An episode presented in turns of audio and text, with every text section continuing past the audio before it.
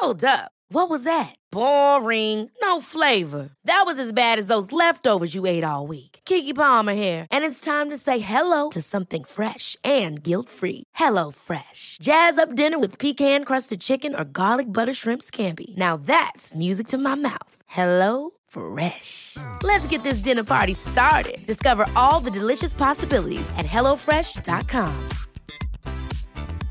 I'm Sandra, and I'm just the professional your small business was looking for. But you didn't hire me because you didn't use LinkedIn jobs. LinkedIn has professionals you can't find anywhere else, including those who aren't actively looking for a new job but might be open to the perfect role, like me. In a given month, over 70% of LinkedIn users don't visit other leading job sites. So if you're not looking on LinkedIn, you'll miss out on great candidates like Sandra. Start hiring professionals like a professional. Post your free job on linkedin.com/people today. Hey, it's Ryan Reynolds, and I'm here with Keith, co star of my upcoming film, If, only in theaters, May 17th. Do you want to tell people the big news? All right, I'll do. Sign up now and you'll get unlimited for $15 a month and six months of Paramount Plus Essential Plan on us. Mintmobile.com slash switch. Upfront payment of $45 equivalent to $15 per month. Unlimited over 40 gigabytes per month. Face lower speeds. Videos at 480p. Active Mint customers by 531.24 get six months of Paramount Plus Essential Plan. Auto renews after six months. Offer ends May 31st, 2024. Separate Paramount Plus registration required. Terms and conditions apply if rated PG.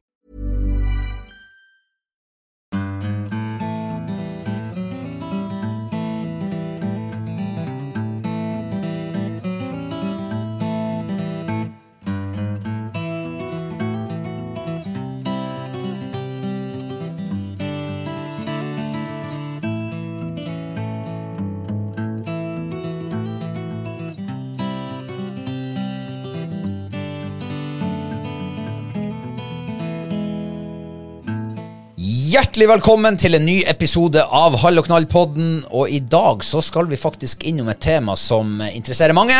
Vi skal snakke om catch and release litt seinere i sendinga. Først av alt, hjertelig velkommen til deg også, Kristine. Hipp hurra. Håper du har det bra, og at de henger sånn som de bruker å henge. Ja. Ja. Yes, det var ja til alt. Du har det bra, og de henger sånn som de bruker. ja. Så de henger nå der. Ja, oi sann, her eh, går det litt fort i svingene, Arman. Beklager. Litt for ivrig. Ja. Ja. Uh, ja, uh, da ble jeg satt litt ut av meg sjøl. Hvordan går det med deg? Altså, hvordan går det med deg? Jeg vet jo det, men liksom til nye Ja, nei, det, det går fint. Det blir lengre dager. Uh, Det kjennes fordi at Altså, det har vært så korte dager nå siden sola forsvant, at kroppen har jo også liksom eh, funnet seg i at det er roligere dager og mindre aktivitet. Ja vel? Og, men nå når det liksom er lange dager, så klart du skal jo være ute og bruke de her dagene her. Ja, kroppen henger ikke med på hardkjøtt som som jeg har vært så sliten denne uka, for jeg har gått så mye, og ja, det Og jeg har gått så mye. Hashtag Nei, det er ikke snikskritt. Eh, Nå eh, skrøt altså nå eh, prater jo akkurat meg ned meg sjøl, Ja, at sånn, jeg var så sliten. Så det blir godt med eh, ja, å, å trene kroppen og utover vinteren. Ja. For jeg kjenner at det Altså, jeg er jo ikke uttrent, men jeg kjenner når jeg har vært en seks-syv timer og trødd, og så halvparten av tida med klabb under skiene. At jeg er altså så søkker sliten da at det Og så blir det forbanna, og så koker det i topplokket, for det ja, det, altså, det er jo ikke noe særlig å gå med klabb under skiene. Og det har jeg gjort nå faen meg en hel uke. ja. Du har ikke tenkt å gjøre noe med det? Ja, jeg, jeg fikk jo tips i dag av min egen far. Oh, ja. Jeg skjønner ikke hva klabbe. Jeg har aldri klabba i hans ski, for han smører jo dem. Gjør ikke jeg det? Nei, smør, man smører nå ikke fjellski. Selvfølgelig gjør man det, man må jo ta vare på dem og blæ, blæ, blæ. Og, Ja, ja, og spraye Ja, du, men du sprayer nå vel de her fellene dine. Nei, så sprayer, fins det spray til fellene. Det visste jo ikke jeg. Jeg bytter ut fellene en gang i året. Ja. Så, eh, men nå skal jeg kjøpe meg sånn sprayflaske, for da varer den visst litt lenger. Det bare gjelder å, å huske hvor man har lagt den sprayflaska. Ja, ja men da, da skal den ligge i topplokket. Heller, Ja. trenger, det, jeg tror ikke du trenger å spraye ja. hver dag. Nei, ikke sant. Man legger den en plass, og så tenker man Det der, det var en smart plass. Det kommer jeg til å huske. Ja, Og så begynner du å lete. ja. Og så blir det klabb, fordi du finner ikke den der sprayflaska. ja men, nei, men jeg skal prøve å- Jeg skal nå kjøpe en sånn sprayflaske for å se om det blir bedre. For at uh, Ja. Men eh, du, det der er jo, det er jo nesten så du forskutterer eh, ukas lifehack her nå.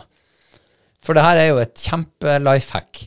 Ja. til folk som plages med klabbing og ikke vet sin arme råd hvordan man skal komme ut av det der. Jeg husker før, det, når jeg plagdes med klabbing, da hadde jeg jo sånne smale Det var, noe, det var mye mer annet da som jeg plagdes med. Jeg gikk med smale langrennsski omtrent på Ja. høyfjellet.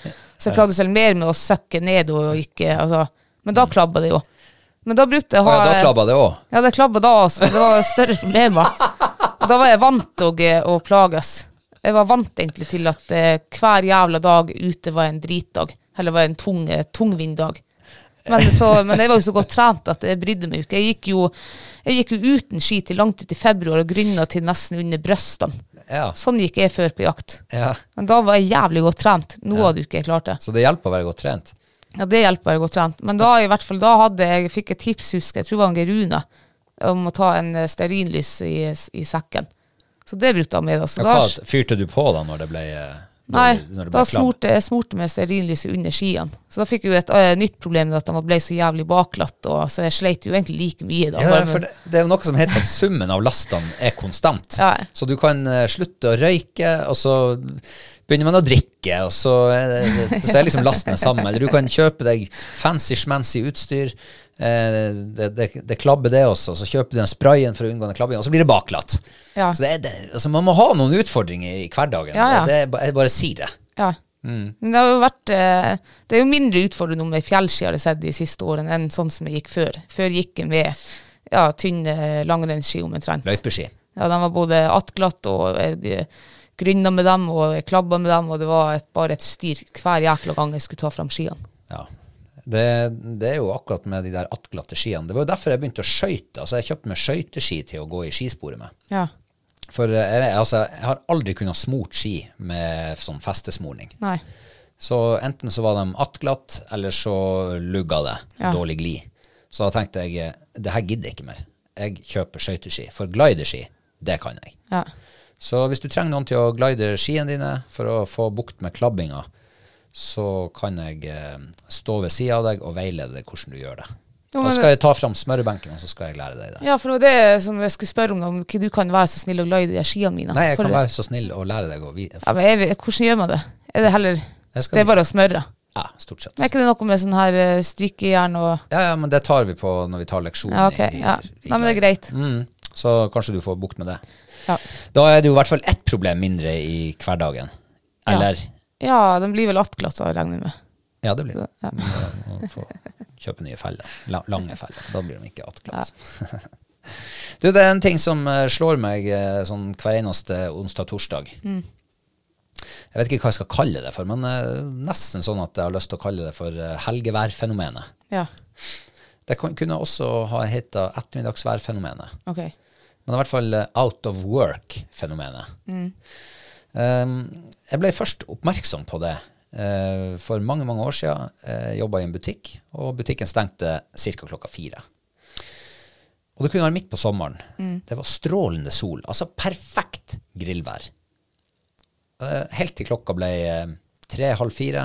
Da kan du bannes på at det kom en stor sky og la seg akkurat der sola var, Ja. over fjellet. Da ble det kjølig. Nordpå blir det kjølig med en gang det blir litt overskya. Sola forsvinner. Da var det ikke så trivelig å sitte. Og så kunne det komme litt vind også. Gjerne nordavind. Det var ikke så trivelig å sitte ute og grille lenger.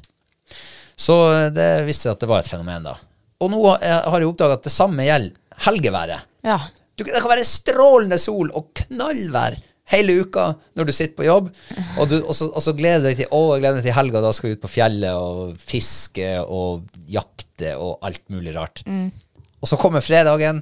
Ja, det kan holde seg til ganske langt utpå fredagen. Men lørdag når du våkner, ja, da blåser det gammelering, eller så sner han vannrett, eller så er det mildvær, eller altså, Ja, ja. det inntreffer. Når du har muligheten til å liksom, ut og nyte godværet, så er det borte. Nei, jeg, helt, jeg har jo sjøl blitt oppmerksom på de siste årene. Å ja, du har det, ja. Jeg føler nesten hver helg, når vi to kan være i lag og finne på et eller annet, så er det faen meg eh, mer eller mindre inne, innevær. Ja, Ja. det blir sånn her um, anti-love relationship-fenomen. ja. Skal i hvert fall ikke ut og pleie kjærligheten på fjellet. Nei, altså, jeg har også lagt merke til at uh, på sommeren kan være kjempe, kjempefint vær. Vind stille på fjellet over lengre perioder. Og så kommer liksom uh, første ferieuka di i, juli. Ja. Og da er det drittvær. Da er det blåser, og, det, og så sjekker vi liksom til neste uke, og når du har fri, nei, det blåser, og det blåser, og det blåser, og det blåser. og det blåser. Eh, det føler jeg sånn hele tida. Men er det bare mot deg, stakkars? Har du noe Er du ganne, eller? Jeg syns det er så ofte at det er så drittvær når du liksom endelig skal få fri eller ferie, eller Nei, eh, jeg vet ikke. Jeg er jo en enkel sjel fra Storvik, ikke sant. Ja. Så jeg, jeg bruker ikke å dykke så veldig dypt inn i sånne typer problemer. Det er liksom uh, If it ain't broken, don't fix it. Og hvis det er noe som går imot det, så bare Ja, ja, du får bare akseptere at det er sånn, og så får du finne på noe annet å gjøre. Eller er at man blir litt eh, Altså når man blir eldre, så legger man mer merke til at uff, nei, i dag var det litt dårlig vær. Og det gjorde man kanskje ikke før. Ja, Kanskje det er det, faktisk. kanskje det. For du har gått og hørt i så mange år at det, det finnes ikke dårlig vær, bare dårlige klær. Og så tenkte du ja, det, de her klærne er ikke noe særlig. Nei, det, å nei, det er dårlig vær nå. Ja. Ja. Men jeg syns faktisk Men sånn, med dårlig vær, det har blåst faen oss og hver helg, tror jeg, og, en, og annenhver dag nå siden det ble vinter. Jeg husker i, i fjor på denne tida, så begynte vi å snakke om eh, hvordan har det vinterværet vært egentlig. Jo, det har, det har vært eh, masse frost. Ja. Masse. Altså det har vært så kaldt. Jeg kan ikke huske at det har vært så kaldt før. Eh, og vinteren før der så var det jo Å, det var så mye snø. Jeg kan ikke huske at det har vært så mye snø før. I hvert fall på mange, mange år. Ja. Og hva, hvordan har det vært i vinter? Det har vært så jævlig kaldt, og så, så mye mye vind. vind. Masse vind har det vært. Ja, men det, har vært, Landvind. det har jo vært masse kaldt også. Nå, nå er det greit, nå har vi hatt mildvær i nesten en uke. Ja, det er det, vi glemmer hvordan Vi det var. glemmer, ja, Men det har faen meg vært eh, over 15 minus siden i midten av oktober. Stort sett. Ja, Og masse vind. Det må du skrive i boka. Ja. Fangstdagboka vår. Ja. Ja, ja, nei, altså, men det slo jo til i helga igjen, selvfølgelig. Det var helgevær, eh, no love relationship-fenomenet. så, så, ja, så man, da, hva det blir da? Yatzy. Yatzy i stedet. Heldigvis er det mye fotball i hele helga. Ja. Men nå neste helg, eh, da melder det jo faktisk eh, lovende jaktvær. Se der, ja. Ja. Både fjellvær og teltvær og isfiskevær og jaktvær, så jeg gleder meg. nei, nei, nei. La oss ikke snakke noe mer enn det. Nei, sånn vi jinxe, det. ja. Vi må ikke jinxe noe. Men du, eh, apropos fotball. Altså For en helg! For en søndag! For en helgeavslutning vi, vi, vi fikk i går, vi som er glad i fotball. Ja. Jeg ikke for en helg, men nå har akkurat prata ned helga. Men for en søndag. Ja, for en avslutning Ja. på helga. Yes. Helgeslutt. Ja, det var eh, skikkelig eh, nervepirrende, og egentlig alle momenter eh, du kan føle på, følte jeg på i går. Hvilke momenter? Ta en Altså- kjapp oppsummering. Ja, så spenning, sånn nervepirrende, glede, fortvilelse, håpløshet, iver, lykke, ja, pur glede. Ingen ja. forbannelse. Jeg sa, sa ikke forbannelse. Jeg har ikke fått det med meg. Jeg tror jeg sa forbannelse. Så det var forbannelse òg. Ja, det var det. ja. Han der han kukdommer der, han kunne jo vært plassert en helt annen plass enn i den kampen mot Liverpool og, og Chelsea i går. For at han eh, Altså, jeg skal ikke si nå at jeg kan veldig mye om fotball, men eh, jeg skulle faen meg dømme bedre enn det han gjorde i går. Ja, det tror det, ja. Ja, ja, hadde jo sikkert gitt tre-fire Chelsea-spillere og rødt kort. Og, ja. ja, i hvert fall én hadde du gitt. Det var tre-fire, selv om det var bare én som egentlig skulle ha det. Men de skulle ha fått det, alle sammen. Nei, men det var stort. Det var stort. Det var første pokalen til han van Dijk som han fikk løfte Ja. som kaptein. Ja. Altså van Dijk sin første ja, som han skulle løfte. Det var litt, eh, det var litt artig, det der. Ja. Og så står jo halvparten av dem som klarte å krykke seg opp på den der eh, seierstribunen der, de, de var jo eh, Hva de sa? De skulle, de skulle være med på festen, men de fikk ikke lov av foreldrene sine, for de hadde jo skole i morgen. Ja, og så var de sikkert ikke lovlige, de var vel ikke, de var vel ikke gamle nok til å ta seg en øl heller. Ja, ikke sant? Ja. Tenk hvor rått. Altså, den eneste voksenspilleren vi hadde på laget omtrent, det var han van Dijk, og så hadde vi han Robertsen og eh, ja, noen andre også. Men det var jo, jeg la mest merke til de her ungguttene. Ja, fy faen hvor de imponerer. Veldig. Så, så eh, stødig og så eh, likevel voksen av seg i spillet og alt. Nei, det var rått å se. Ja, Rotse. se. Jeg sa jo til deg når, eh, andre, eller når første ekstraomgang begynner, tenk hvis, hvis vi scorer i, etter 117 minutter, og så var det vel 118 minutter, så scorer vi. Ja. Ja, eufori. Ja. Virkelig sånn euforisk følelse. ja, da var det Eh, men eh, nå har vi jo mista over halvparten av lytterne våre. Så må vi kanskje prate om noe annet. Men det er liksom, det der er jo en sånn ting som er altså Fotball er jo viktig for oss, i hvert fall Liverpool. er jo. Man, man kommer ikke helt Når det kommer en, en bøtte hjem på, eh, til, til, Liverpool, da, da må man kunne skjenke tre minutter av, Ja. av livet ditt til å høre på to uh, tullete Og så er det jo en fin innledning til, eh, til eh, Fantasy Week. Ah, kanskje vi gjør det, ja. Ja. Vi går rett over på fantasy. Halv- og knall-league. Hall og knall-ligaen, ja.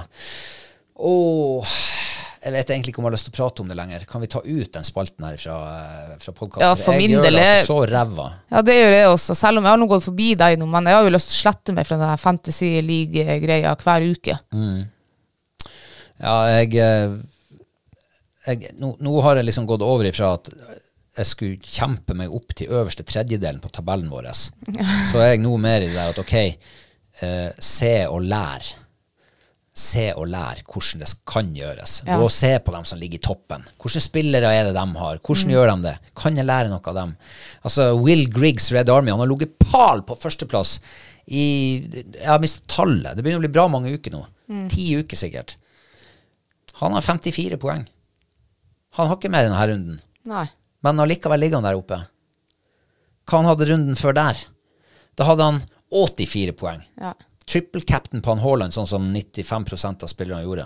Men han ligger og durer på sånn 60-70-80 poeng. Jeg gjør ikke det. Jeg ligger og durer på sånn 30-40-50 poeng. Får en god runde, så har jeg 55 poeng, kanskje runde 60. Ja, Så jeg må lære. Nå skal jeg bruke resten av sesongen til å eh, se på de beste, hvordan Ja. de gjør det. Mitt mål er i hvert fall ikke nå lenger å bli Jeg tror jeg sa topp 50, men det er å liksom holde meg innenfor topp 100. Ja, det- Da er det greit. Jeg ligger på topp 88 nå. Jeg tror jeg var på 84 eller noe. Ja, ikke sant? Ja. Så vårt mål må jo være å slå hverandre, da. Ja. Eh, Det, det, det er ikke så veldig mange andre jeg klarer å slå. Det ligger noen bak meg på lista. De har sikkert gitt opp dem òg for lenge siden. Nei da, men eh, det er fortsatt jevnt i teten her. Vi har eh, han Dan Asle Borch på andreplass. Han ligger bare 17 poeng bak, bak han Tom Even Heimstad. Så, ja, det er det håp. Ja, ja, ja. Så det er ganske mange som har runda runda 1600 poeng nå. Det er ganske bra. Mye kjente navn oppi der, altså. For oss i hvert fall. Så det blir artig å se hvordan det går utover. Um, ja. Det er jo fortsatt eh, premie til vinneren, da. Selvfølgelig. Det er det jo. Og en heldig spiller. Kanskje Det hadde vært artig hvis en av dem som havna litt ned i gjørma der, der nede i, våres eh, liga, hadde, hadde vunnet den som er tittet. Det var det ikke en sånn lucky loser vi skulle trekke, da. ja, ja. Det, får håpe det blir en av dem.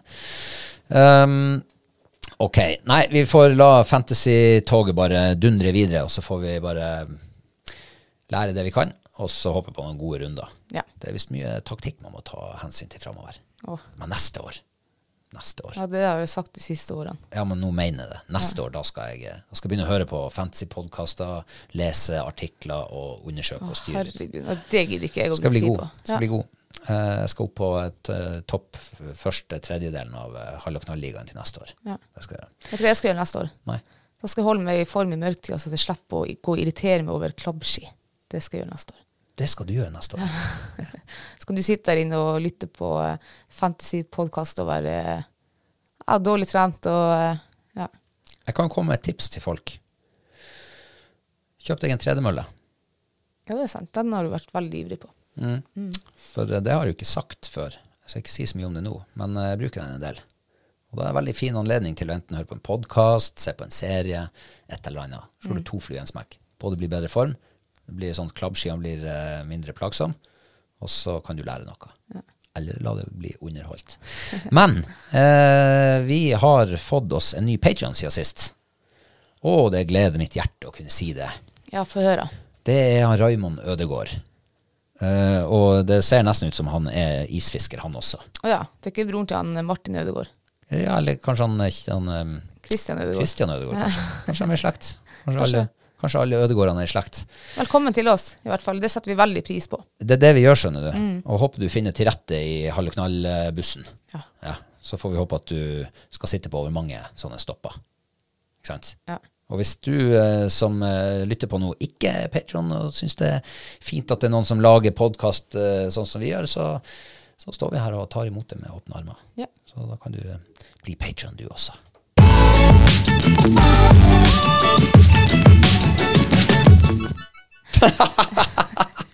Hva det der var for noe? Jeg prøver igjen.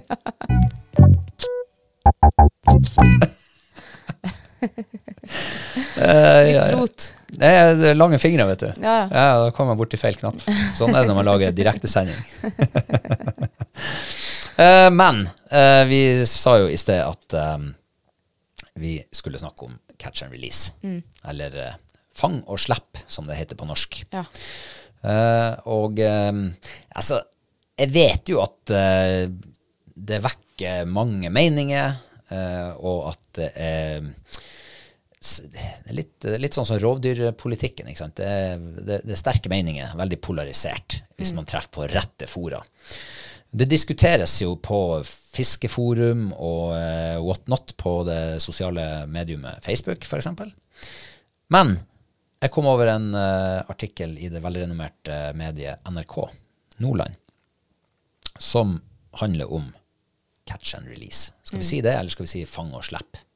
Ja, det vet ikke. Gjenutsetting. Ja, heter ikke det catch and release? Ja, det er veldig engelsk. Ja. Det er jo det jeg vokste opp med. Ja. Men det er veldig tongue twister å si catch and release. Ja ja, samme det. Um, fordi at eh, de har snakka med dykkere i Saltstraumen som eh, finner lidende fisk med bobler i øynene i, i sjøen, og mener det er forkastelig. Um, og eh, da har jo NRK snakka med dem, eh, de kommer med sine meninger, og så må jo et uh, velrenommert medie som NRK de må jo inn og hente litt eh, litt eh, faktatyngde i saken. Og da har de snakka med Mattilsynet. Øynene, det er for øvrig eh, skyldes eh, trykkforandringer. Eh, så det høres jo ut som at det kommer en fisk opp, og kommer litt for fort kanskje, og så er den ikke kommet seg ned igjen. De finner den flytende i, i vannet blant annet. Men over til, eh, til saken. Mattilsynet det er jo dem som styrer med dyrevelferd i det landet. Eh, dyrevelferdsloven. Ja, stemmer? Det er det det heter, ja. Mm.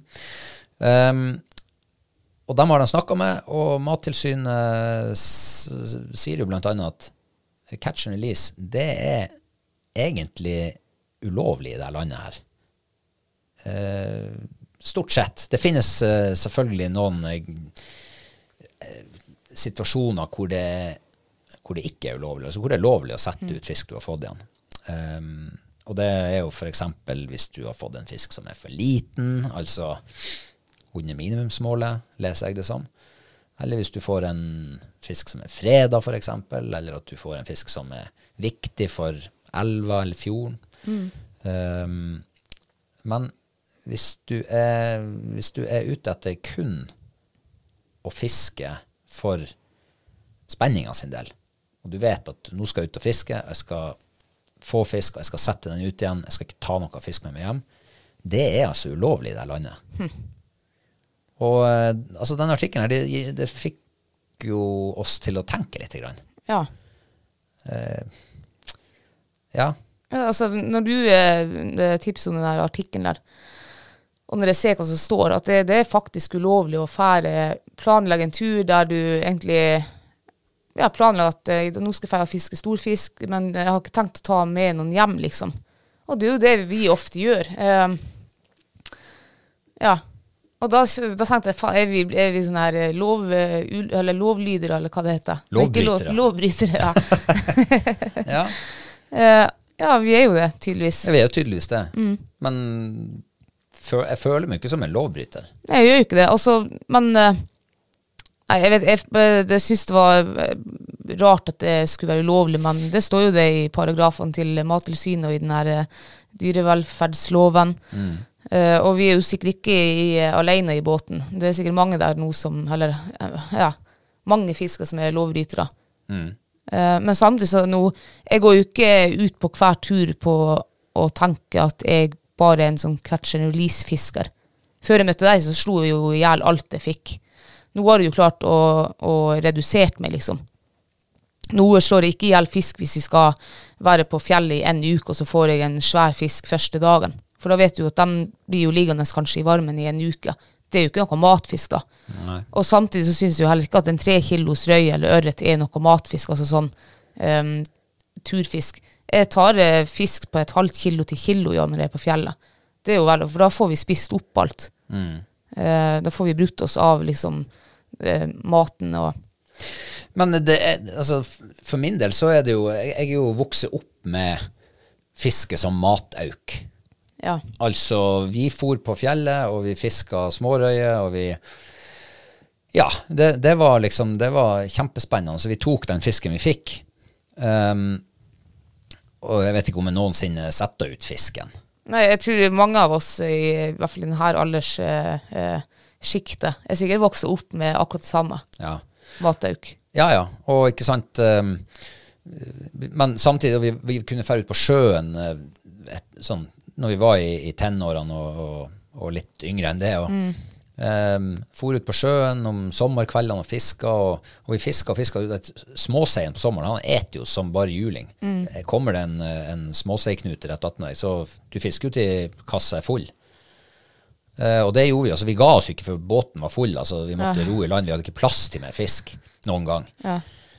Eh, Og, hva som skjedde med den fisken, det, det vet jo ikke jeg. Men det var jo sånn her eh, få, få hjelp til å få det prikovert. Og få Ja. det, altså, det var noen andre som tok over arbeidet etterpå. Så jeg, jeg vet nå ikke helt hva som er best da, å, å kanskje sette ut noen fisker da, i stedet for å ta Altså man skal ikke ta for mye heller. Nei, nei. Men, eh, men det var det jeg skulle si, at fra å ha liksom vært sånn som tar alt, eh, så begynte vi å se på fiskefilmer når det begynte å komme på DVD, når vi ble så store. I hvert fall når vi fikk råd kjøpe dem sjøl. Og der var det jo stort sett catch and release. Det ble satt ut alt. Det, var jo, eh, det var jo nesten eh, førstesideoppslag i Se og Hør hvis det var en av de der profilene som mot formodning hadde kakka en ørret i hodet. Ja, da var det liksom galt. Ja, det var jo, det var jo nesten moralsk forkastelig i ja. visse kretser. Så eh, jeg husker jo en eh, episode av eh, Sjøørretlandet, hvor de var og fiska i en elv, eh, og fikk en smålaks og kakka den, og Ja. lagde sashimi av den. Og det var jo nesten sånn at de sto og, og ynka seg for det at, eh, når de skulle ete den, for det var jo så fælt å slå fisk i hjel. Den skulle jo settes ut. Ja.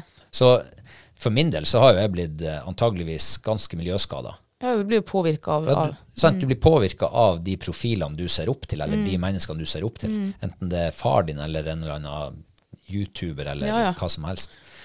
Uh, men eh, jeg, jeg tror faktisk ikke det, er blitt- det er så veldig lenge siden denne loven trådte i kraft. Altså at nå er det ulovlig å drive med catch and release. Ja, ok. Det er derfor vi aldri har hørt om den før, sikkert. Nei, ja, altså Det er jo ikke sånn i år, liksom, men i, i, i nyere tid. da. Oh, ja, ok. Nå, skal, nå, nå har jeg jo ikke vært inne og sett når denne loven ble skrevet, da, men, eh, men det er liksom det, er en, det baserer seg jo på noe forskning, ikke sant? Eh, og sånn som de her eh, sto og satte ut fisk på 90-tallet og begynnelsen av 2000-tallet, hvor de liksom kjørte ørreten fram og tilbake i vannet sånn der, ikke sant? Drog den att og fram, att og fram, att og fram. Det gikk jo ikke så veldig mange år før det var noen som sa at sånn som du ser på film at det blir satt ut fisk, sånn skal man ikke gjøre det. Fordi at det kan i verste fall ta livet av den fisken. Den får mye dritt inn i gjellene, sånn, og det, det går liksom feil vei. Eh, og det virker som de har, de har forska mer på det her og funnet ut at eh, ja, det er tydeligvis ikke bra for fiskene å bli setta ut igjen. Mange dauer. Men eh, Jeg tror jo fortsatt at hvis du setter fisk ut eh, eh, riktig, altså skånsomt og alt, og du ser at fisken er eh, frisk og pigg, at han ikke blør, at du ikke liksom har dratt han opp på land og knekt nakken og sånt på han, eller ryggen, eh, så tror jeg at de, mm, mange fisker i hvert fall eh, klarer seg. Det tror jeg. Men Ja. da må du, du kan jo ikke sette ut fisk som du har kjørt helt tom i eh, kanskje eh, eh, 18 varmegrader i vannet, og sånt, for det har jeg også sett da går det galt. Eh, da bør man jo helst eh, Hvis du planlegger å skal fiske catch and lease da, så bør du kanskje ja, legge ifra deg stang og kanskje vente til det blir litt kaldere. Eh, Mattilsynet sier jo at undersøkelser viser at laks og ørret med stor sannsynlighet vil overleve uten varige skader hvis fangst og gjenutsetting gjennomføres på en forsvarlig måte. Eh, og det er jo kanskje akkurat det her stridens kjerne står om når man diskuterer catch and release med, med uh, Altså, jeg er jo ikke noen motstander av catch and release. Som du sier, vi driver jo med det sjøl. Um, Men når du kommer i diskusjon med onkelen din, eller med en eller annen du møter en eller annen plass, så er det jo akkurat det. Ja, det det flyt med død fisk i elva, eller det Ja, det er noe Jo, men, ikke sant? Men, men det er det de sier. Og ja, så klart, det, det vil dø noen, men Mm. det er ganske mange år siden jeg fikk høre om den første eh, liksom, ordentlige forskninga som var gjort på det, Mm. på det feltet der, på overlevelsesrate. Og det var gjort på laks i Altaelva, mener jeg å huske. Der klarte de å påvise 97 overlevelse oh, ja. av laks Mm. som ble fanga og satt ut igjen. Det er mulig de faktisk merka dem. Nå, Mm. har nå tar jeg det litt på dårlig husk. Men det på, var på en måte vann på mølla for oss som da var eh, Som sto på en måte i, i opposisjon til dem som mente at nei, du skal, skal du fiske, så skal du ete fisken din. Um, og det viser jo fortsatt at det er stor overlevelse, hvis man gjør det riktig. Eh, og så, det, så står det også her at det er stor forskjell på altså, hvilken type fisk det er. En torsk har f.eks. Uh, større sjanse for å overleve enn en laks, f.eks. Så, så en, sette ut en torsk er mindre risiko mindre risiko sånn i forhold til om den skal dø eller ikke. ja, okay. Men, eh, men eh, ja Man får jo liksom litt sånn der yeah. Er det noe rett det vi driver på med, da? Ja, jeg, ble, jeg følte meg litt som en sånn her eh, lovbryter når eh, At du følte litt truffet? Ja, jeg føler meg litt truffet, ja, for at eh, på, spesielt på sommeren da, når vi drar inn til, eh, til de her storfiskevannene våre, så drar jo dit for å eh, kose meg, ha det artig og kanskje fiske personlig rekord og sånn her. Eh, og jeg har jo ikke noen planer egentlig om å ta dem. Det har jeg jo ikke. Og, um, men sånn, jeg, jeg har blitt påvirka av deg, for før jeg møtte deg, så var det i hvert fall, så fikk jeg eh, fisk over to kilo, ja, da slo de noe i hvert fall i hodet og tok meg hjem. Ja. Fikk kanskje halvt kilos fisk, og så eh, får sikkert større, så dem kunne jo hive ut igjen, liksom. For jeg skulle jo ha plass i sekken til å bære ned alt, og da ville jeg heller prioritere storfisk. Nå er jeg jo litt motsatt. Eh, og jeg, hus jeg glemmer ikke den gangen jeg fikk min livs største eh, brunørret på et fjellfiskevann. Um, du var der, og det var, kanskje, det var vel det første året liksom, vi var kjærester, så jeg, jeg kjente jo godt, men jeg kjente ikke godt nok. Så når jeg fikk denne fisken her, og, og det kvern i hodet at Mottrom er nødt til å slippe den her ut igjen, eller så mister du respekten for meg, eller et eller annet sånt, det, det var det som kverna. Og nå, var ikke, det var jo ikke bare jeg og du heller på fjellene. Daniel også, som er like liksom, hjernevaska som deg med å slippe ut fisk, han var jo også der oppe. Så jeg følte presset at ok, denne her fisken, min livsfisk, den må jeg faktisk slippe ut. Jeg husker det smerta, det gjorde vondt, gjorde det òg. Den var 90 cm lang, den fisken der. Jeg fikk aldri veie den, for eh, ja, jeg kunne ikke veie en så stor fisk eh, levende. Smellfeit. Jeg tipper den var sikkert 9-10 kilo. Så da jeg slapp den ut, herre jessu hvor det reiv i hjertet da. Ja, det gjorde vondt? Ja, det gjorde vondt, gjorde det. Eh, for jeg visste at det var det dere eh, egentlig forventa av meg, at jeg skulle slippe den ut. Dere forventa ikke at jeg skulle ta den. Men jeg kjenner jo nå i ettertid, så jeg er jo fryktelig glad for at jeg slapp den fisken ut.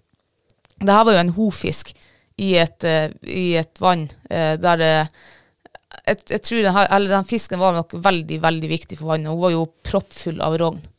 Så jeg er jo kjempeglad for at jeg slapp den ut. Og jeg tror det er den situasjonen som har gjort sånn at jeg, jeg Ja, jeg kakker ikke alt i hodet. Jeg gjør det med måte. Ja. Ja. Ja, altså, jeg tenker jo at folk må jo ta sine egne valg og stå for dem. Eh, men så viser det seg jo nå selvfølgelig at de valgene vi eh, tar, kanskje faktisk er i strid med denne dyrevelferdsloven.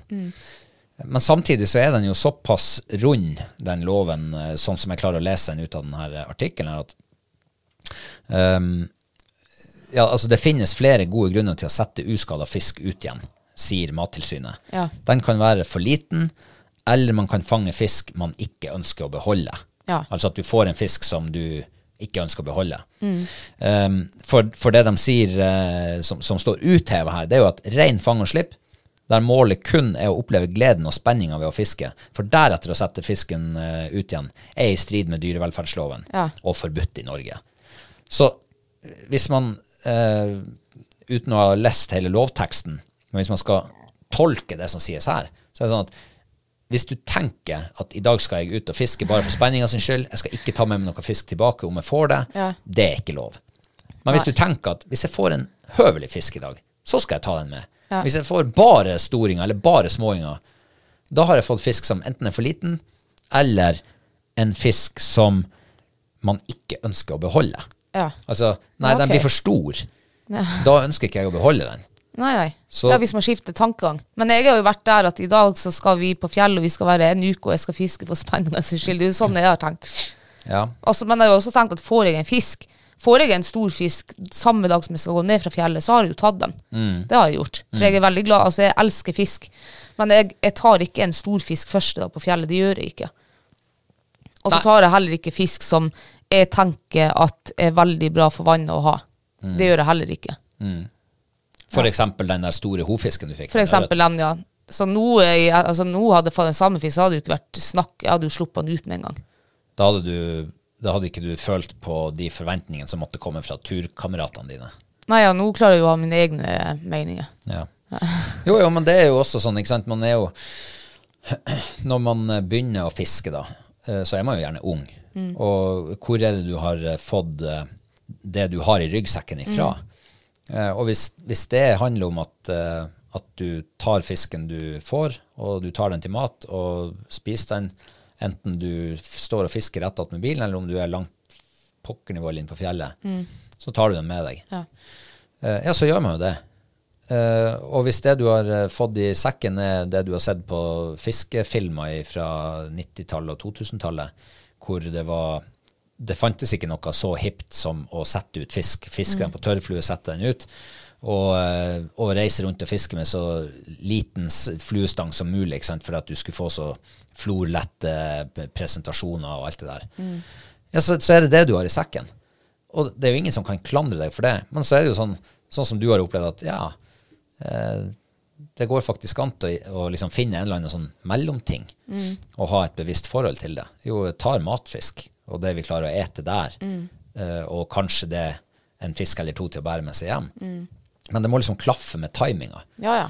uh, og jeg har jo også vært litt sånn at nei, derifra tar jeg ikke fisk.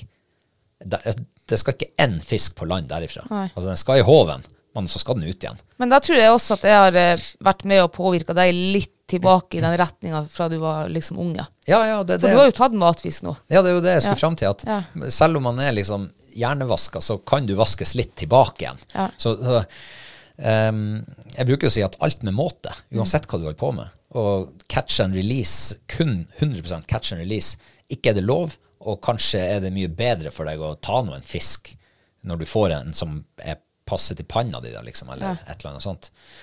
Uh, så, men eh, ja, man er jo, vi, vi er jo å bevege oss i en eller annen slags gråsone av loven, da. Sånn som jeg oppfatter det, i, i enkelte tilfeller. Ja. Og det samme også med sjøen. Det, det står jo, altså, men det visste man jo at i reglene. Da skal du jo slippe fisk skånsomt ut som du vet har eh, sjanse til å overleve. Ja. Og veldig ofte hvis du kommer i en sånn torskeknute, og du, ser at det er, altså, du skjønner at det er storfisk under deg, og så får du faen meg en liten torsk på, og så da sveiver 30-40 meter opp.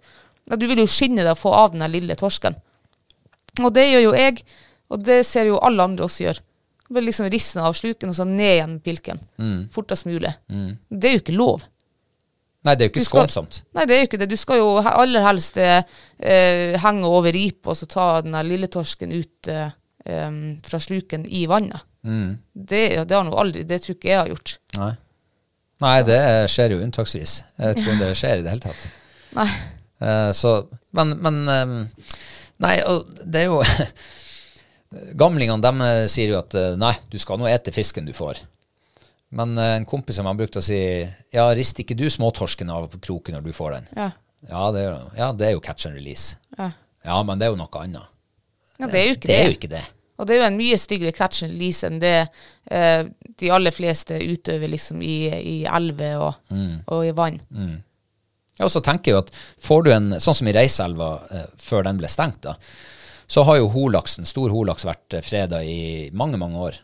Får du holaks over fem kilo, så skal den settes ut igjen. Og, og det er jo eh, fordi at den er viktig for elva. Ja. Um, uh, nå mista jeg helt hvor jeg skulle hen.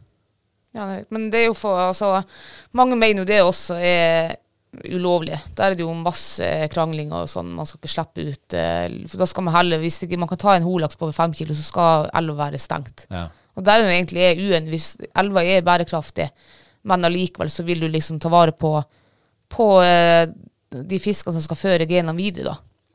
Ja, da er det jo viktig å slippe ut hofisk. Store hofisker. Mm. Ja, nå husker jeg hvor jeg skulle. Ja, okay. Fordi at det, det er akkurat det, ikke sant. Eh, slår du den hovfisken som er viktig for den elva der, i hodet, og hiver den i røykeriet ditt, så har den null prosent sjanse for å gyte på høsten. Ja. Hvis du setter den ut igjen, og gjør det på en ordentlig måte, så har den i 97. 97 sjanse for å gyte. sant? Ja. Så en død laks har 0% sjanse for å gyte.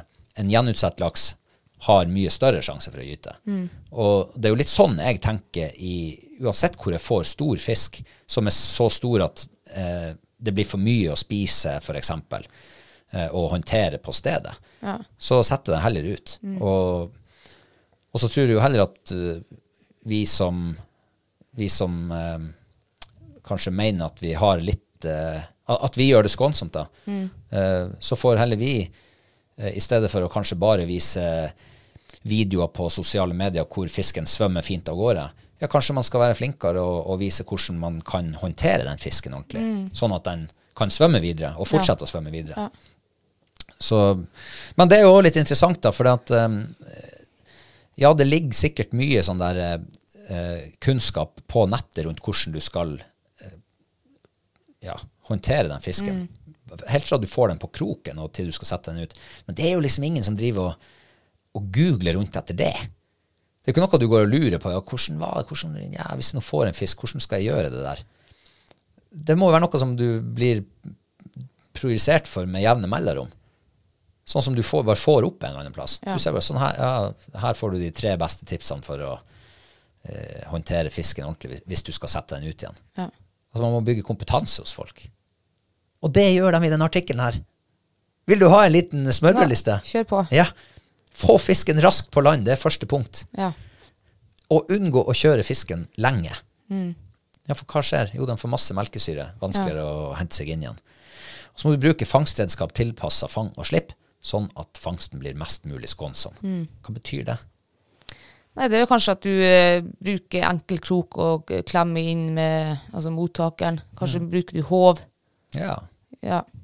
ja. Kanskje bruker du hansker på fingrene, ja. sånn at du slipper å drive og tafse på fiskeskinnet. Det er ikke bra. I hvert fall ikke med tørre hender. Kanskje du må være to også. Kanskje ja. det, ja. ja. Ja. Da videre med, med prøvefiske i Reiselva, så måtte vi jo være to i lag, Mm. for, nettopp for å håndtere fisken ordentlig. Eh, fjern kroken skånsomt. Mhm. Ja, naturlig nok, ja. Eh. Så en, en eh, tang. for eksempel, ja. Ja. Det bruker å hjelpe. Ja. Det er ikke bare å stikke pølsefingrene inn i kjeften på en fisk og få løst den kroken som sitter i, i leppa. Um, ikke ta fisken ut av vannet. Og det syndes det mye mot. Ja. Det er bare å se på nett. Eh, gå inn på Instagram, og så søker du på Big Trout eller noe sånt. Ja, ja, du ser mange Alle bildene er vel eh, noen senkt over vannet. Å ja, ja, ja. Jeg har et bilde av den største ørreten jeg har fått på tørrflue. Ja. Eh, den var langt over hodet. Å, ja. Ja, ja. ja. Jeg var jo så glad. ja. Jeg tenkte ikke på at eh, nei, den skal ikke ut av vannet. Kanskje ikke, kanskje ikke jeg huska det engang. Der, der føler jeg at jeg har blitt flinkere de siste årene. når jeg skal, For jeg vil jo gjerne, Hvis jeg får en skikkelig fin fisk, så vil jeg jo gjerne ha liksom foreviga den på et bilde. Og nå er jeg flinkere til å liksom um, Ja, når, vi, når jeg spør deg, Robert, kan du ta bilde av meg? Ja. Og så sier du ja, ta bildet med det samme jeg tar opp, og så knipser du bare så fort du kan, og så legger jeg det ned igjen. Og sånn gjør vi det nå når vi tar det. Og så prøver vi å holde fisken liksom bare en 5-10 centimeter over, eh, over vannflata. Og det føler jo at det er ganske skånsomt. Ja, det er jo mer skånsomt enn å løfte den over hodet til det ikke Ja, er ja. vann som kan renne av den stakkars fisken. Ja.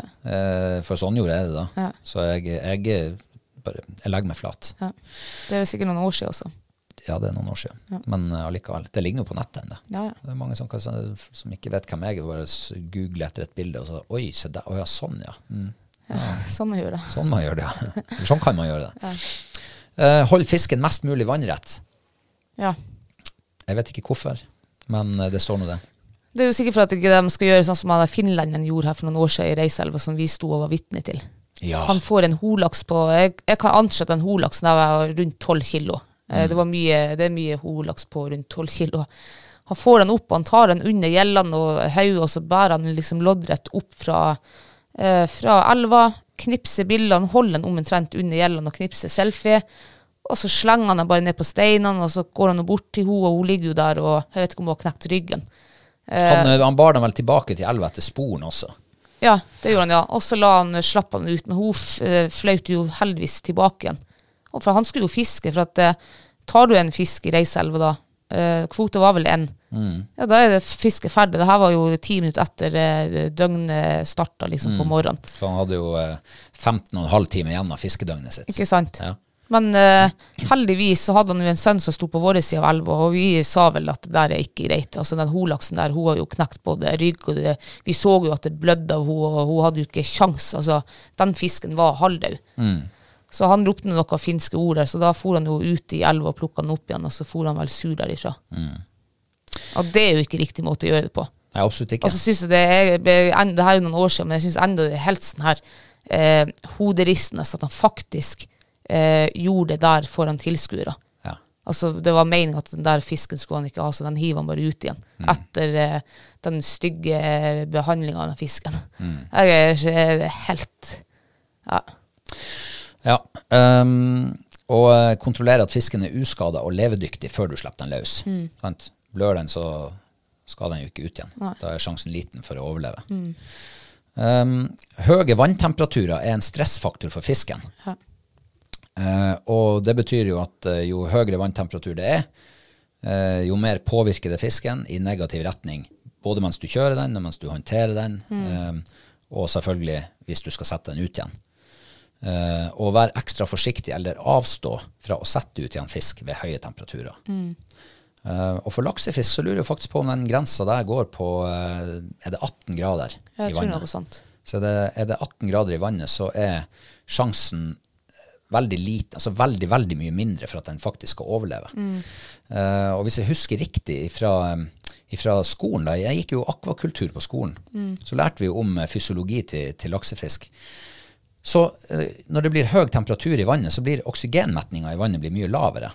Og fisken trenger jo oksygen i massevis for å komme seg igjen etter han har vært på kroken. Eh, så og jeg, jeg vil huske at det var 18 grader, den, den den maksgrensa. Ja. Men det er klart, jo nærmere opp til det du kommer, så, så er det jo vanskeligere. Men da, da syns jeg det er egentlig litt dumt i, i For det, det er jo mange elver der det utøves catch and release hvis eh, man får en hovfisk på over fem kilo, f.eks. At det er i hvert fall begrensning, da. Da skulle egentlig sånne lakseelver med eh, regler at du, altså, du må slippe ut fisk hvis du ikke får ehm, Altså hvis du får en ulovlig fisk, da. Da skulle de egentlig ha stengt elven de dagene at det er varme vanntemperaturer. Sånn egentlig. Ja, det har vel faktisk vært gjort også. Ja. Um, jeg vil huske at i Reiselva en gang så var vel temperaturen på 20 grader over en kort periode. Ja. Det hadde ikke vært regn, og det hadde vært varmt i lang tid. Og temperaturen bare steg og steg. Og jeg mener å huske at de stengte elva fram til temperaturen oh, ja. Hadde kommet seg ned igjen. Og det er jo nok at du får et bra regnskjøll, f.eks., Ja, ja. og, og at det blir overskya og ikke så mye sol. Så går det jo ganske fort i, i mange elver. ja, OK. Det visste jeg var ikke klar over. Nei, så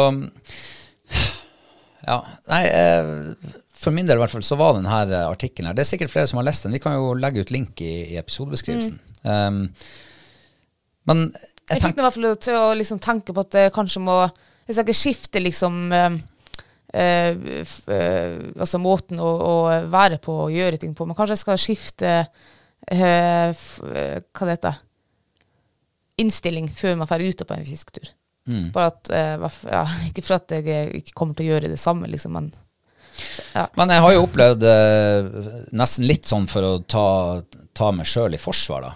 Um, når vi er på vårt favorittvann, og det kommer en fisk rundende inn med land eller inne på kastehold, som du ser, så har jeg faktisk opplevd at det kan, det kan ofte være vanskelig å, å anslå hvor stor er den fisken.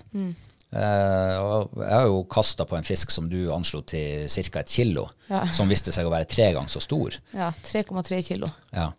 Eh, så eh, i, i den grad man skal være selektiv på de fiskene man får Det er klart, av og til så ser du fisken, og du ser at oi, den der er kjempesvær. Så da burde du jo egentlig avstå fra å fiske på den, hvis den er så stor at den blir du ikke å spise. Eh, Men eh, det er, jo mange, altså det er jo vanskelig å se hva er det du får på når du, når du står og fisker blindt. Du, det er strøm der du ser kanskje ikke fisken, eller fisk med sluk, eller ja, du, du vet ikke hva du får på før du har det i håven. Ehm, så ja. Men det viktigste av alt got me thinking. Ja. Du også. ja, absolutt. Ja. Hva, er det noen oppfordring her? Nei, det, det er ikke noe moralpreken, det her. Nei, nei, nei overhodet Nei, ikke. absolutt ikke. Det var mer en sånn selvreflekterende prat der. Ja, ja, altså nå, vi tar jo Vi, er, si, det, vi snakker jo om oss sjøl nå. Mm. Jeg, føler, altså jeg, jeg har jo tydeligvis sprøtt loven da, opp til, ikke bare én gang, opp til flere ganger. Mm. Og jeg vet jo ikke om jeg eh, nå Stort sett så ser jeg jo eh, hvor stor fisken er når vi står sånn og spottfisker. Så ser jeg jo at det der er en stor fisk. Og selvfølgelig jeg vil jo kaste på den. Selv om jeg ikke har planer om å ta, ta den med hjem. Mm. Så vil jeg jo kaste på den. Satser på at onkel politi ikke er ute på fjellet akkurat da. Jeg tror onkel politiet gidder ikke å gå så mange mil som vi gjør når vi skal på, til fjells. Nei, Nei men eh, skal vi la det ligge for i dag? Ja. Eh, dere finner da som sagt eh, link til saken hos NRK i episodebeskrivelsen. Og nå skal jeg treffe rett knapp. Bare hør nå.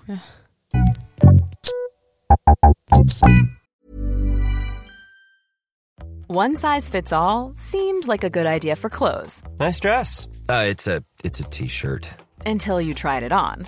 Same goes for your healthcare. That's why United Healthcare offers a variety of flexible, budget friendly coverage for medical, vision, dental, and more. So, whether you're between jobs, coming off a parent's plan, or even missed open enrollment, you can find the plan that fits you best. Find out more about United Healthcare coverage at uh1.com. That's uh1.com. Ever catch yourself eating the same flavorless dinner three days in a row?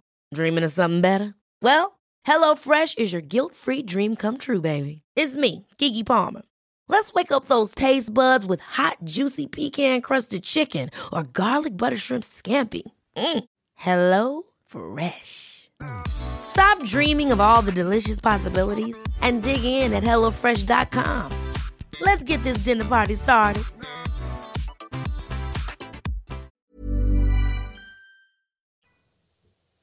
Ja, vi skal videre til eh, ukas mathøydepunkt. ja. Ja, er det noe eh, har, har det vært en bra uke, syns du, eller? Jeg syns det eh, ja, det har vært en grei uke. uke. Det har det absolutt. Mm. Ja. Men det er jo en, en vinner hos meg da, som har fått terningkast fem, og som Ja, Månensen Må- Måndensen Nei, Mån... Månen... Må. Hva det Måndensen. Nei, Månedsen. Månedsen størst Nei, beste mat. Prøv igjen. Månenden. Nei. Hjelp meg nå, Robert. Mån... Månsen. Nei. Du skjønner hva jeg mener? Månsen beste mat. Mon- det høres så jævlig Månsen. Monsen. Lars Monsen. Månsen. Mån med det sen beste mat. Det høres så jævlig rart ut, men Ja, det det er ikke sånn man å si det. Nei, ikke helt. Månen den Nei, må- nei. Der mista vi de siste lytterne. De tre-fire siste ukens beste mat. Månedens. Månedens Ja, Beste. månedens beste mat. Var det ikke det jeg sa? Eh, Nesten. Nesten. Det hørtes mye rarere ut, det du sa. Ja, uh, I hvert fall la han seil opp til det. Ja, Ja. hva er det, da? Det er hamburgeren vi lagde på fredagskvelden. Med Du har den, du òg. Ja. Har du den også, ja? Ja. Ja, Soleklart. ja og det som eh, nå, var, nå var det jo en ny moment i der. eh, Det var jo at du hadde laget, brukt hele fredagen på å lage hjemmelaga briochebrød. Og det er jo susen. Eh, det var ikke bare den alene liksom, som dro eh, hele retten opp til en terningkast fem, men det var liksom alt. Jeg syns det var bare en sånn deilig, god burger. Sammen med det hjemmebakte brødet. Åh, det var så godt, var det. Altså, jeg har jo ikke spist eh, va, altså, va, Nå sier jeg vanlig i sånn gåseøya, eh, burgerbrød, på år og dag. Nei. Bortsett fra dem jeg kjøper på burgersjapper rundt omkring. Ja. Gatekjøkken. Jeg sier det igjen, jeg har sagt det før, men skjerp dere. Ta nå og fiks briochebrød, i hvert fall, til gatekjøkkenet ditt. Ja. Det er ingenting som ødelegger en burger så mye som et tørt frøbrød som er hardt og kjedelig og smakløst. F- Skaff briochebrød. Ja, det er litt krevende å lage sjøl, men hvis du virkelig satser på hamburger på din eh, restaurant eller din sjappe, altså, betal noen for å gjøre det da, hvis du ikke har tida sjøl. For ja, det tok litt tid, men eh, du verden hvor godt det ble. Ja, det ble godt. Og den Og det så jo lekkert ut også. Ja, det også. Det så jo ti ganger bedre enn kjøp hjortsbrød også, som ikke er så verst. Ja, vi har jo kjøpt briochebrød eh, fra Coop. Eh, ferske brød, de var i hvert fall eh, ikke frosne når de lå i butikken. Mm. ja, det er jo ikke så verst. Det den er innafor, Altså, det har jo vært de beste eh, så langt. kjøpbrødene. Ja. Ja. Men den her Det tok ca. fem timer å lage seks briochebrød. Ja. Men det var verdt det. Ja. Det var verdt hvert ett minutt. Um, det er altså en uh, amerikaner som driver en sånn matkanal på YouTube. Han ble jeg tipsa om. Eh, det var sykt godt, Eh, og de så deilige ut. Eh, og det ble jo selvfølgelig lagd for mange til oss, så det ligger noen i fryseren. Yes. Det er fare for at det blir litt hamburger framover. Ja. Men ikke nok med det. Det var jo ikke bare brødet som var hjemmelaga. Må vite. Nei. Nei. Du hadde jo laga en sånn her uh, chili mayo. Ja. Gud, den var god, altså. Det var det var den som gjorde egentlig Som binda hele denne retten, liksom. Og det var så unikt på en måte. Mm. Det var ikke den her uh, majones og dressing og du kjøper på butikken. Det var hjemmelaga. Ja, det, nei, det stemmer det, ja. Fy Mm. faen, den var god, altså. Ja, sykt god. Ehm, og det var ikke så vanskelig å lage. Nei. Eh, jeg har jo aldri fått Jeg lagde jo majonesen også fra bunnen av. Ja. Og det har du aldri fått til før. Det var første gang du var Det var jo skikkelig Det så skikkelig ordentlig majones ut. Ja, det var ordentlig majones. Og ikke nok med det! Det var enda mer som var hjemmelaga. Stemmer det. Og du Ja. lagde jo eh, sylteagurk. De var syrlige. De eh, tok jeg ikke på min burger. Nei, men jeg tok det på min burger. Ja. Og ja, den var altfor syrlig når jeg bare smakte på den ut av laka. Ja vel. Men når den kom i lag med alt det andre, Ja. så var det, det bare åh, Det ga en sånn friskhet, syrlighet til. Ja, okay. For de der du går og kjøper Nora sine sylteagurker, de var jo altså De er så søte. Og det, blir, det der laken er Nei, det, det er noe industrielt over det. Så denne hjemmelaga var sykt god. ja, men jeg skal gi det en sjanse. Men kanskje ikke så riktig så syrlig neste gang. Nei, nei, men eh, det var veldig fort gjort å, å lage, da. Ja. Eh, ja, nei, det er mitt mathøydepunkt også. Det eneste som skuffer meg, det er at uh, burgeren var kjøpt. Selve burgeren. Ja, men det, Jeg skulle egentlig lage burger sjøl, men jeg hadde vært uh, på jobb hele dagen. Jeg var skrubbsulten. Jeg, jeg gidder ikke å bruke tid på å lage burgeren. Mm. Men det var jo litt altså, var jo litt hjemmelaga, for jeg smurte jo på eh, soyasaus. Ja, hurra. Gratulerer, med, gratulerer med den. Ja, Så det ble ikke så verst. Eh, har du noen matplaner for neste uke, eller? Ja, vi skal jo lage fisk en hel uke nå. Ja, vi har fortsatt mye fisk i fryseren. Så vi har Spise fisk fra fryseren-prosjekt. Ja. Så jeg gleder meg. Håper vi klarer å finne på noe nytt Yes, spennende jeg også. smakfullt. Takk for maten. Takk for maten. Og da skal vi over på uh, ukas life hack fra uh, Hall og knall-poddens lyttere. Ja. Uh, for forrige uke så hadde vi vel et tips fra ho Kristin Bø, hvis ikke husker feil. Ja, Og det har vi faktisk i denne uka også, Å, for hun sendte to.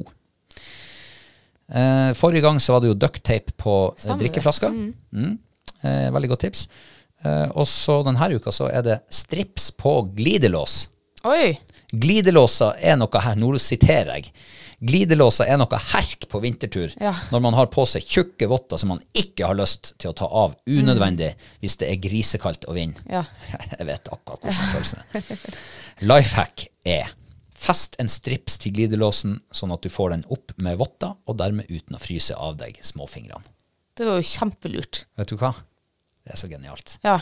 Og eh, altså, mange jakker for eksempel, de kommer jo med en sånn liten sånn flipp, sånn tøyflipp i glidelåsen. Ja. Men den er ikke bare å få tak i bestandig. Den er Nei, nei. oftest for liten, den er for kort, eller for den er så mjuk at den blir borte inn i all annen dun og klær og styr og stell. Tenk på den strips. Den er jo stiv. Den står ut derfra hele tida. ja, ja. Det Så kan du ha den så stor du bare vil. Mm. Eller lang. Og jeg hadde jo en kompanisjef en gang som sa alt du skal gjøre om vinteren, må du lære deg å gjøre med votter. Ja. Prøv å finne, fram, finne tak i den der bitte lille glidelåsen som er der en eller annen plass når det blåser gammel-Erik og er 15-20 blå ute. Ja. ja det, der det der skal jeg faen meg gjøre på Sist gang jeg eh, kuka så mye med, med glidelåsen Jeg måtte, altså, jeg ville jo ikke ta av vottene. For det var 17 minusgrader og sterk, sterk kuling. Men det endte jo med etter tre minutter og forbannelse for å ikke treffe på den jævla glidelåsen, så måtte jeg ha vottene av. Og så fryser du deg forderva, og så får du neglebit når du blir varm igjen, og så Ja. Ja. Nei, Da er det med... lastene, summen av lastene øker faktisk. Ja. Ja. Nei, så den strips, det var faktisk helt genialt. Jeg har aldri eh, tenkt tanken før. Og man får jo kjøpt eh, sånn her eh, sett med masse forskjellige Mm. størrelser på stripsene. Så du kan jo prøve det fram. Hvor stor må den være Ja. før det blir enkelt å få tak i den? Ja. Eh, jeg skulle ikke ha gått for de aller største. Nei, men Ta en sånn høvelig, fin størrelse. ja. Ja, genialt. Skal jeg prøve når jeg, neste gang jeg finner en glidelås som er vrien å få opp eller igjen. Mm. Så skal jeg eh, huske på det trikset der. Tusen takk for uh, tipset. Ja, Det der er uh, topp uh, fem geniale tips som, er som jeg kom på nå, som vi har fått. ja Mm. det er ikke dumt. Og til deg som sitter her nå og tenker ah, der kommer jeg på noe annet bra, send det til oss. Mm. Så, så, så klarer vi å holde den gående, den her bra tipsespalta her. Det var eh, vel alt vi hadde for i dag, eh, tror jeg. Ja. Hvis ikke du har noe mer på hjertet før vi stenger. Nei, det er vel ikke det. Vi, det er jo oppkjøring nå til Arne-prøven, som er neste, neste helg. Altså om Ja. Ja, av ti-tolv dager. Mm. Ja, så det virker som alle tre hundene er i form. Hun fight, jeg nevnte vel her for en par uker siden at hun fighta liksom ymta til om jeg, om jeg har penger til startavgiften hennes. ja.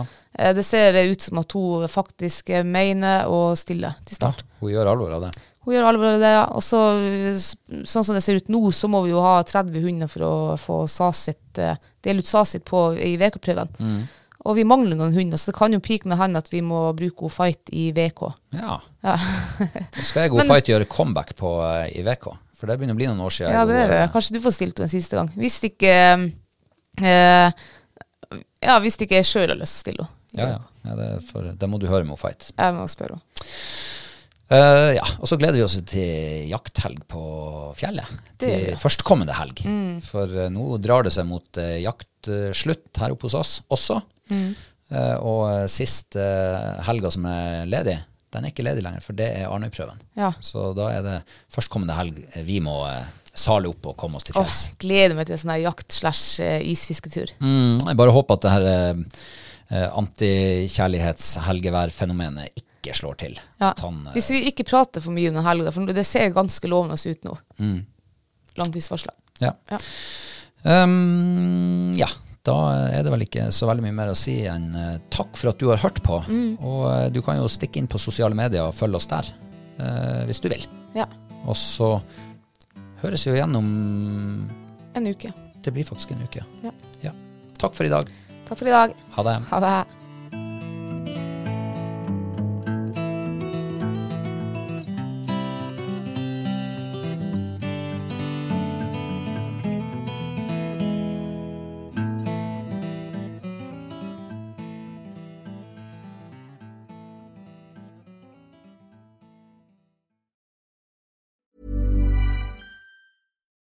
Deserves the best, and there's no better place to shop for Mother's Day than Whole Foods Market. They're your destination for unbeatable savings, from premium gifts to show-stopping flowers and irresistible desserts. Start by saving 33% with Prime on all body care and candles. Then get a 15-stem bunch of tulips for just $9.99 each with Prime. Round out Mom's menu with festive rosé, irresistible berry chantilly cake, and more special treats. Come celebrate Mother's Day at Whole Foods Market. Even on a budget, quality is non-negotiable. That's why Quince is the place to score high-end essentials at 50 to 80% less than similar brands. Get your hands on buttery soft cashmere sweaters from just 60 bucks, Italian leather jackets, and so much more.